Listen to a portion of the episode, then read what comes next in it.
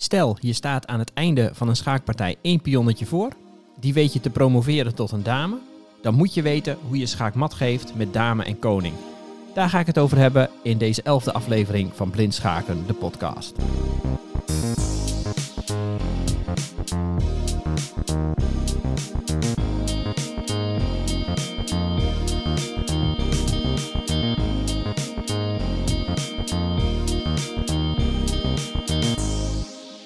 En mijn naam is Jan Spoelstra. Welkom bij deze schaakcursus per podcast. We hebben de regels en de basis behandeld. We hebben af vorige aflevering eh, gezien wat de eerste zetten in een schaakpartij zijn. En we gaan nu beginnen met een blokje eindspelen. Wat als je een klein voordeel hebt aan het eind van een partij, bijvoorbeeld een pionvoorsprong die je weet te promoveren, of je hebt een torenvoorsprong, hoe kun je dat verzilveren? Nou, dat is heel belangrijk om te weten.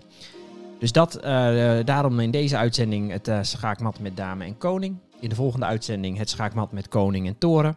En daarna gaan we pionnetjes promoveren. Oké. Aan het begin van zo'n nieuw blok wil ik nog even zeggen waarom ik deze podcast ben gestart. Nou, iedereen doet aan blind schaken. Zelfs de meest gevorderde clubspelers die doen aan of juist de meest gevorderde clubspelers die doen aan blind schaken. Je moet va vaak ver vooruit denken. Je mag het schaakbord waar je achter zit niet helemaal overhoop halen en allemaal varianten uitspelen. Nee, je moet het in je hoofd doen. Je moet in je hoofd de stelling, hoe die er over twee zetten uitziet, visualiseren. En daarom is het heel handig om het blind schaken tot op zekere hoogte te trainen en onder de knie te hebben. Nou, voor die doelgroep kan deze podcast interessant zijn. Daarnaast is dit een uh, medium waarlangs blinden en slechtzienden kennis kunnen maken met het boeiende schaakspel. Zorg voor aangepast schaakmateriaal. Begin bij uitzending 1 van deze podcast. En ik neem je mee in alle regels en uh, later in de verdieping in het, uh, in het schaakspel. En ook voor beginnende spelers, gewoon die aan de keukentafel willen spelen zonder dikke boeken of uh, YouTube-filmpjes. Gewoon zelf de zetten doen op het bord en samen met mij, nou ja, de regels en de basis doornemen.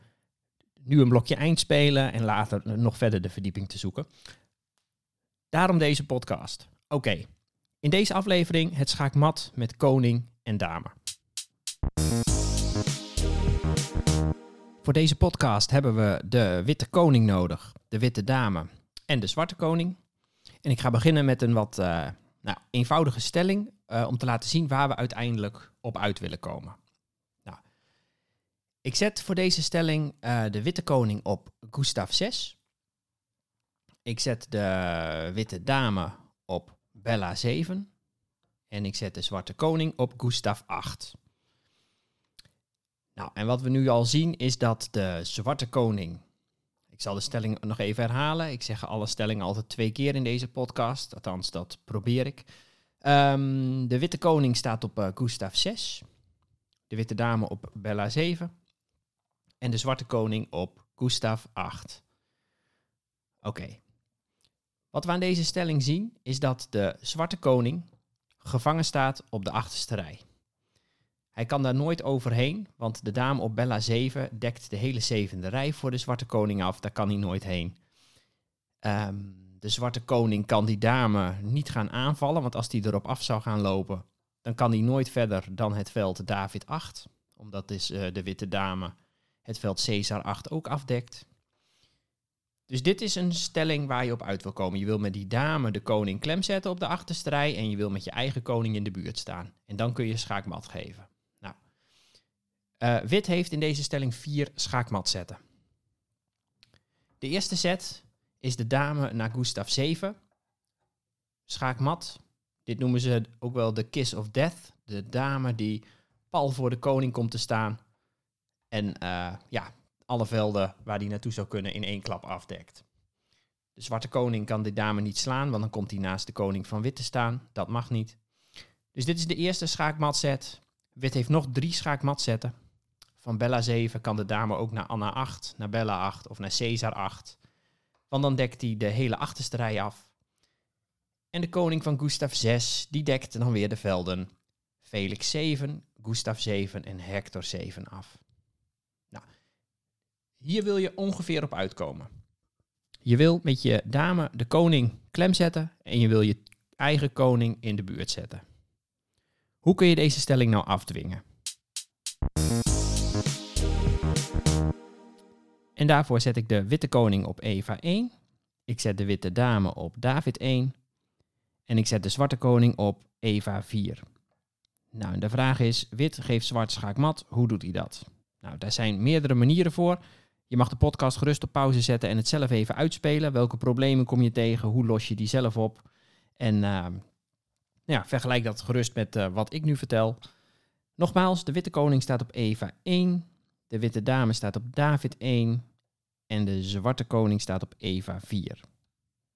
Nou, de strategie die ik altijd volg is om eerst zoveel mogelijk met je dame de koning van de tegenstander ergens naar de randen van het bord toe drijven. Eigenlijk alleen maar met dame zetten, zonder schaak te geven. Zonder schaak te geven.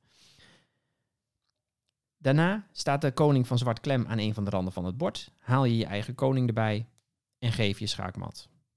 Oké, hoe ziet dat eruit? Nou, wit speelt zijn dame van David 1 naar Bella 3.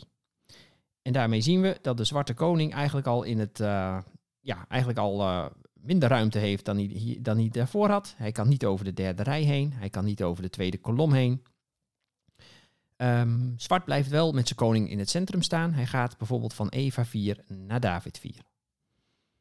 Nou, de strategie dat we als eerste zoveel mogelijk damezetten willen doen om de bewegingsvrijheid van die koning in te perken, die gaat nu heel even niet op. Er is eigenlijk niet echt een goede dameset nu. We, kunnen, uh, we zouden met de dame naar uh, Bella 4 kunnen. Maar dan komt de zwarte koning naar voren toe, naar de derde rij toe. En mijn plan is eigenlijk om de zwarte koning op de achterste rij, op de achtste rij, schaakmat te zetten. Dus we moeten even een wachtzet doen. We moeten onze koning erbij halen. Die zetten we naar Eva 2. En dit is niet echt een wachtzet, want we moeten uiteindelijk toch de koning erbij halen. Dus dan heeft hij nu alvast maar een stapje gezet. Nou, zwart besluit met zijn koning naar Caesar 5 te lopen. Nou, hoe kunnen we de bewegingsvrijheid van zwart verkleinen? Dat kan door de witte dame van Bella 3 naar Anna 4 te spelen. De zwarte koning kan nu niet over de vierde rij komen. Nou, hij zal wel een beetje in het centrum proberen te blijven nu, dus hij gaat naar uh, David 5. De witte dame gaat naar Bella 4. De zwarte koning gaat naar Eva 5. De witte dame gaat naar Caesar 4. De zwarte koning gaat nu naar Felix 5. De witte dame gaat naar David 4. Nou, en zwart ziet aankomen dat als hij dit door blijft doen, dan komt hij uh, aan de rechterkant uh, uh, klem te zitten aan de rand van het bord. Dus zwart gaat nu met zijn koning van Felix 5 naar Eva 6.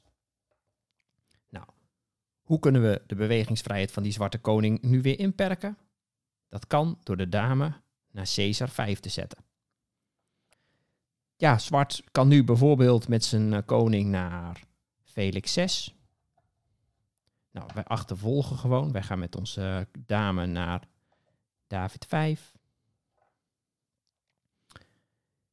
Ja, uh, zwart gaat nu met zijn koning naar Eva 7. Hoe kunnen we die bewegingsvrijheid weer verkleinen voor zwart? Nou, door met onze dame nu naar Caesar 6 te gaan.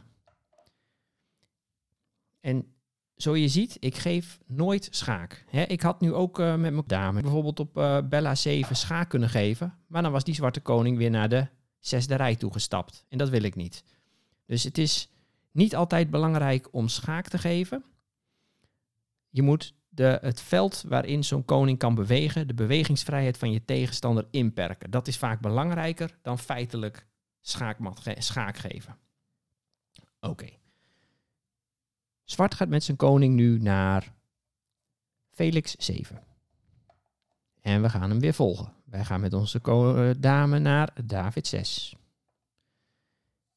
En zwart gaat met zijn koning naar Gustav 7. En wij gaan met de dame naar Eva 6. Nou, en nou kan uh, zwart kiezen naar welke rij die gaat. Wil hij aan de rand van het bord schaakmat gezet worden of uh, op de achterste rij? Nou, uh, zwart kiest er dit keer voor om naar Felix 8 te gaan. En wij gaan met onze dame naar David 7. En nu zien we dat zwart drie velden heeft waarover hij heen en weer kan bewegen. Hij staat nu op eh, Felix 8. Hij kan ook naar Gustav 8 en naar Hector 8. Nou, nu is het tijd om onze koning erbij te halen. Wit zet zijn koning naar. Of is zwart aan de beurt? Ik denk dat zwart toch aan de beurt is. Uh, zwart zet zijn koning naar Gustav 8. Wit zet zijn koning naar Felix 3.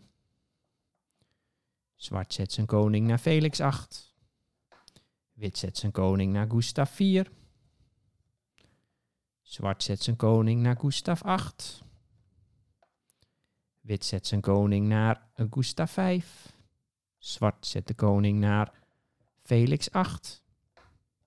Wit zet zijn koning naar Gustav 6. En zwart zet zijn koning naar Gustav 8. Nou, en dit lijkt heel erg op de stelling die we net op het bord hadden. Wit heeft nu vier schaakmat zetten. Wit kan de dame naar Gustav 7 spelen, de Kiss of Death. En wit kan zijn dame naar de velden C8, D8 en E8 spelen. Daarmee dekt, uh, dekt hij de hele achterste rij af. En we zien dat de koning van wit de velden uh, F7, G7 en H7 afdekt. Dus uh, zo geef je schaakmat met dame en koning. Ik wil nog even één, één stelling laten zien waar je niet in moet stinken als je schaakmat gaat geven met dame en koning. En voor deze stelling zet ik de witte koning op Eva 1. Ik zet de witte dame op Eva 7 en de zwarte koning op Hector 8. En de vraag is, wat zijn de drie slechtste zetten voor wit? Nogmaals de stelling. De witte koning staat op uh, Eva 1, de witte dame op Eva 7 en de zwarte koning op Hector 8. Wat zijn de drie slechtste zetten voor wit? Nou, de eerste twee slechte zetten voor wit zijn de dame naar Hector 7 en de dame naar Gustav 7. Daarmee zet je zwart schaak, maar zwart slaat daar vervolgens de dame van het bord af. En dan is het uh, remise. De derde slechte zet voor wit is de dame naar Felix 7. Wat is er nu aan de hand? We zijn heel fanatiek doorgegaan om de bewegingsvrijheid van de tegenstander in te perken. Stap 1 uit de strategie die ik net uitgelegd had. Alleen met dames zetten proberen de bewegingsvrijheid van die koning te beperken. Het vierkant waarin die kan bewegen te klein maken, kleiner en kleiner maken. Maar we zien dat we het hier te klein gemaakt hebben. De zwarte koning staat namelijk niet schaak. En hij kan naar geen enkel veld waar hij zichzelf niet schaak zet. En dan is het aflevering 6 van deze podcast. Pad, remise. Let daarop. Als zwart dit doorspeelt, probeert hij je hierin te luizen. Dan probeert hij nog pad te, eruit te slepen. Dus let daarop. Overigens wordt dit uh, eindspel met dame en koning niet vaak uitgespeeld. Zeker niet op clubniveau. Um, omdat uh, ja, mensen doorhebben dat, dat je wel kan schaken en dat je dit uit kan spelen. Maar goed, uh, als je het een keer voor je krijgt dat mensen dit doorspelen, let erop. Let erop dat je niet pad komt te staan. Oké, dat was het schaakmat met dame en koning. We hebben gezien dat we eerst met de dame zoveel mogelijk de bewegingsvrijheid van de koning van de tegenstander moeten inperken. Daarna de koning erbij halen en schaakmat geven. Dit was misschien niet de allersnelste manier om schaakmat te geven, maar wel een, een hele systematische manier die uh, eigenlijk altijd werkt. Um, de volgende keer gaan we het hebben over het schaakmat met koning en toren. Dat is iets moeilijker. Om dan de bewegingsvrijheid van de koning van de tegenstander in te perken, heb je continu het samenspel tussen koning en toren nodig. En daarna gaan we pionnetjes promoveren. In de aflevering 13 wordt dat, geloof ik. Oké, dat is het voor nu. Heb je vragen? Stuur een e-mail naar blindschakendepodcast.gmail.com en ik zie, ik zie jullie graag de volgende keer terug achter het bord.